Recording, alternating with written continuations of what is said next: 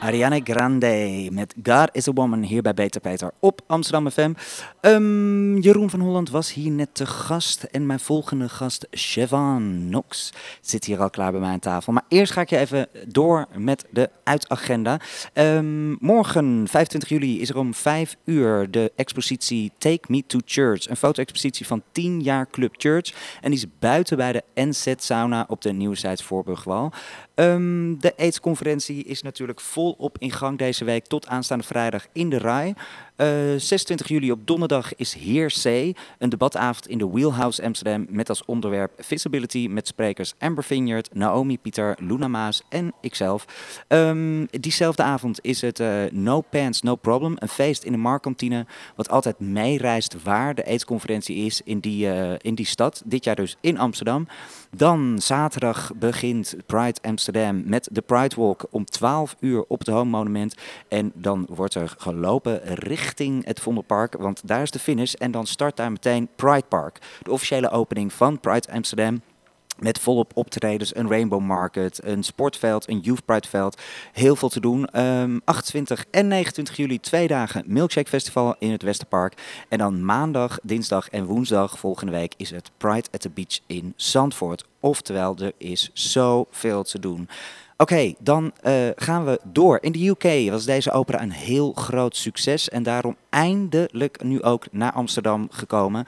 De Sex Workers Opera draait op dit moment in het Compagnietheater tot en met 2 augustus.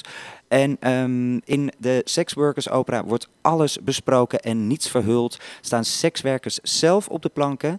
En um, here with me, yeah, I'm gonna change to English now finally. Uh, welcome, Siobhan Knox. Thank you. Thank you so much for having me. Well, thank you. You are uh, uh, one of the, the co-founders mm -hmm. of this, and the, um, uh, yeah, co-founder of, of this uh, uh, sex workers opera. Yes. Tell me, how did this whole thing happen and when? Um, so we started around four to five years ago. Um, and uh, myself and Alex Etchart, we set up the initiative because uh, we had a theatre company that was kind of uh, focused on um, performance, street art, and street action, um, and trying to provide platforms for marginalised voices to tell their stories. Um, and uh, we saw that there was a real need for um, uh, a platform in which sex workers could take back the narrative because most of the narrative is always written by people who are not sex workers or by people who um, are very privileged haven't really got an idea of what a sex worker actually is mm-hmm. and so you have all these like very one-sided narratives um, kind of viewing sex workers as either very victim or very glamorous um, and nothing in between to show like real human stories um, and uh, we are, myself and Alex are both part of the queer community, LGBTQ community.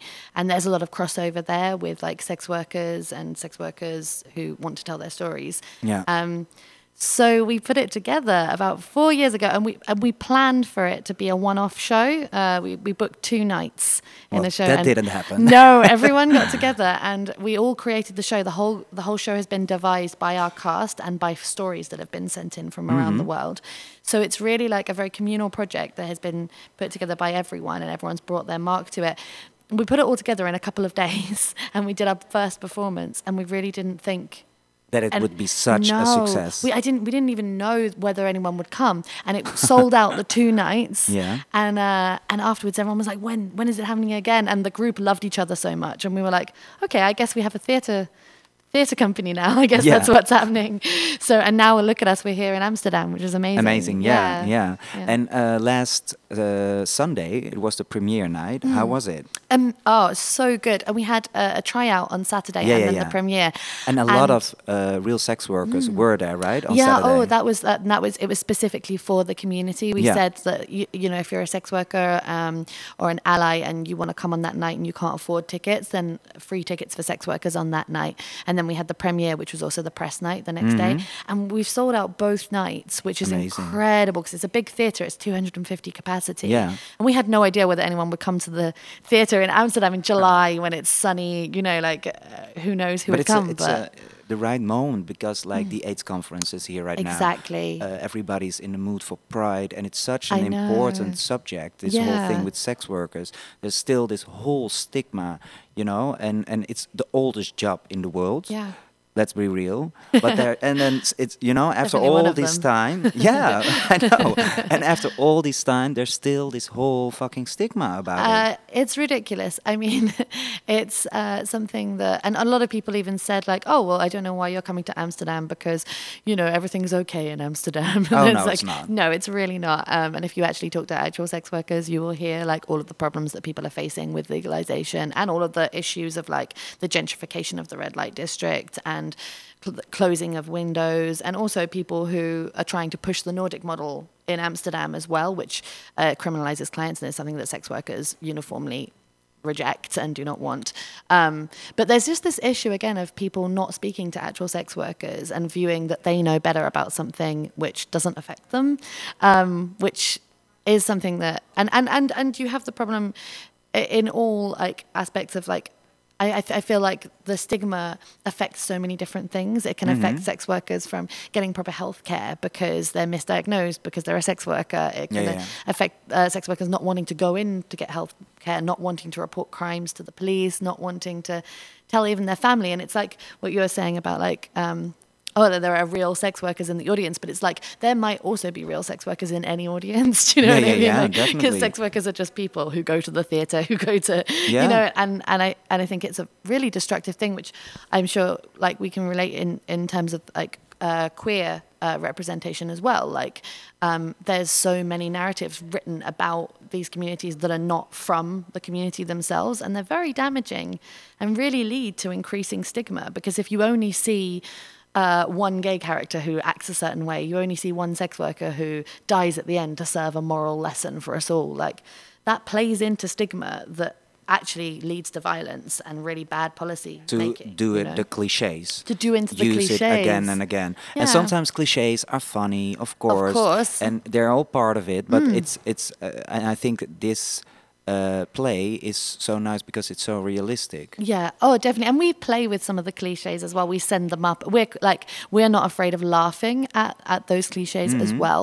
But it is really important to I think show yeah the human element because when you stop humanizing people, that's when violence happens, right? but it's like what you say like uh, sex workers always also go to the theater Right. and they go you know get their stuff at the supermarket and stuff Yeah. and i think that that's also a problem that there's a lack of respect definitely. because a lot of people it's it's not like normal Mm-hmm. that uh, you work as a sex worker Mm-hmm. You know people still see it as oh you're uh, a whore Yeah, it's a it. shameful Yeah, position. Or like, what are you going to tell your family? How are you going to tell them? Like, bringing shame onto your family, onto your friends. People don't assume that sex workers can have partners, relationships. Yeah, and yeah, of course, people do. You know, um, and I think it's it's one of those things where a lot of the time also people just don't think about it, and they've kind of been trained by images and the media and the way people think, so they're kind of just have all these opinions and they don't even realize they have them. So I think something that's we try and break open a bit in our show anyway is like, look, here are all these stories that have been sent in. Some of us are telling our own stories, some of us are telling the stories of others. Um, but ultimately, everything you hear is real. Yeah. And and some of it's really boring. Sex workers just doing admin, you know, sex workers, sex workers being it's part of the job. You know it is like doing your taxes whatever. Like sex workers being mothers daughters you know like yeah and also um, 50% of the cast Mm-hmm. uh, are sex workers. Yeah so it's 50% of the whole group. So So that it's so that pure and real. yeah and that includes the directors that includes the facilitators the tech team. Everything that has been creative is sex worker led so um, it's always the case where the allies are simply there to support the project and also to provide a degree of anonymity.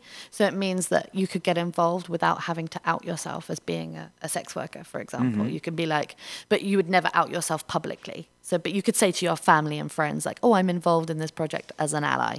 yeah yeah yeah You know. yeah Yeah, you don't. Yeah, of course. But it gets a whole another level, and I think a whole another energy in the room if you know it's it's so close and it's so Oh, yeah. pure. You know. Oh, completely. And we had this beautiful moment um, on the first night because uh, there were so many sex workers in the audience because it was the night for the community. And there's a scene in the show where we uh, hold a minute of silence to commemorate the the lives lost in the sex work community. Um, and some everyone in the audience stood up.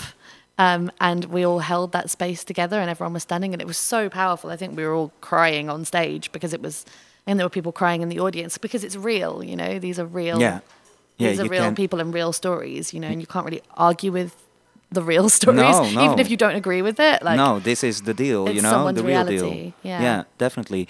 I would like to play one song because we're already at the end of the show. Yeah. Um, but I would like to play one song, and it's called the Dom song. Yes. Do I say it right? the Dom song, yeah, the Dominatrix song. yeah. ca- can you say something about it? Mm, It's a story that we kind of show at the beginning of the show to kind of break uh, some stereotypes because people often view sex workers as victims. So we view uh, a woman being a very powerful dominatrix and uh, talking about how she likes her job. So that's like the beginning of the show. We complexify it a bit later. But yeah, Okay, interesting. Mm-hmm. Well, here we go, the dumb song. perfect.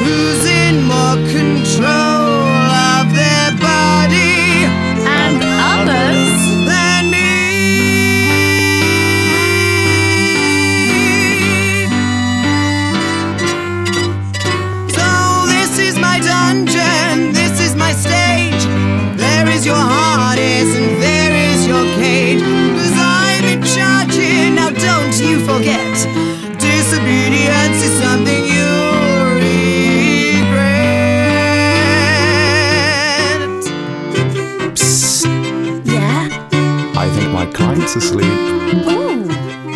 Let's go for a fag. Okay, well, let's round it up. This was a, a short uh, um, track of the sex workers uh, opera that's going on right now in Company Theater in Amsterdam. And with me, hello, are you still there? I'm here. Yes.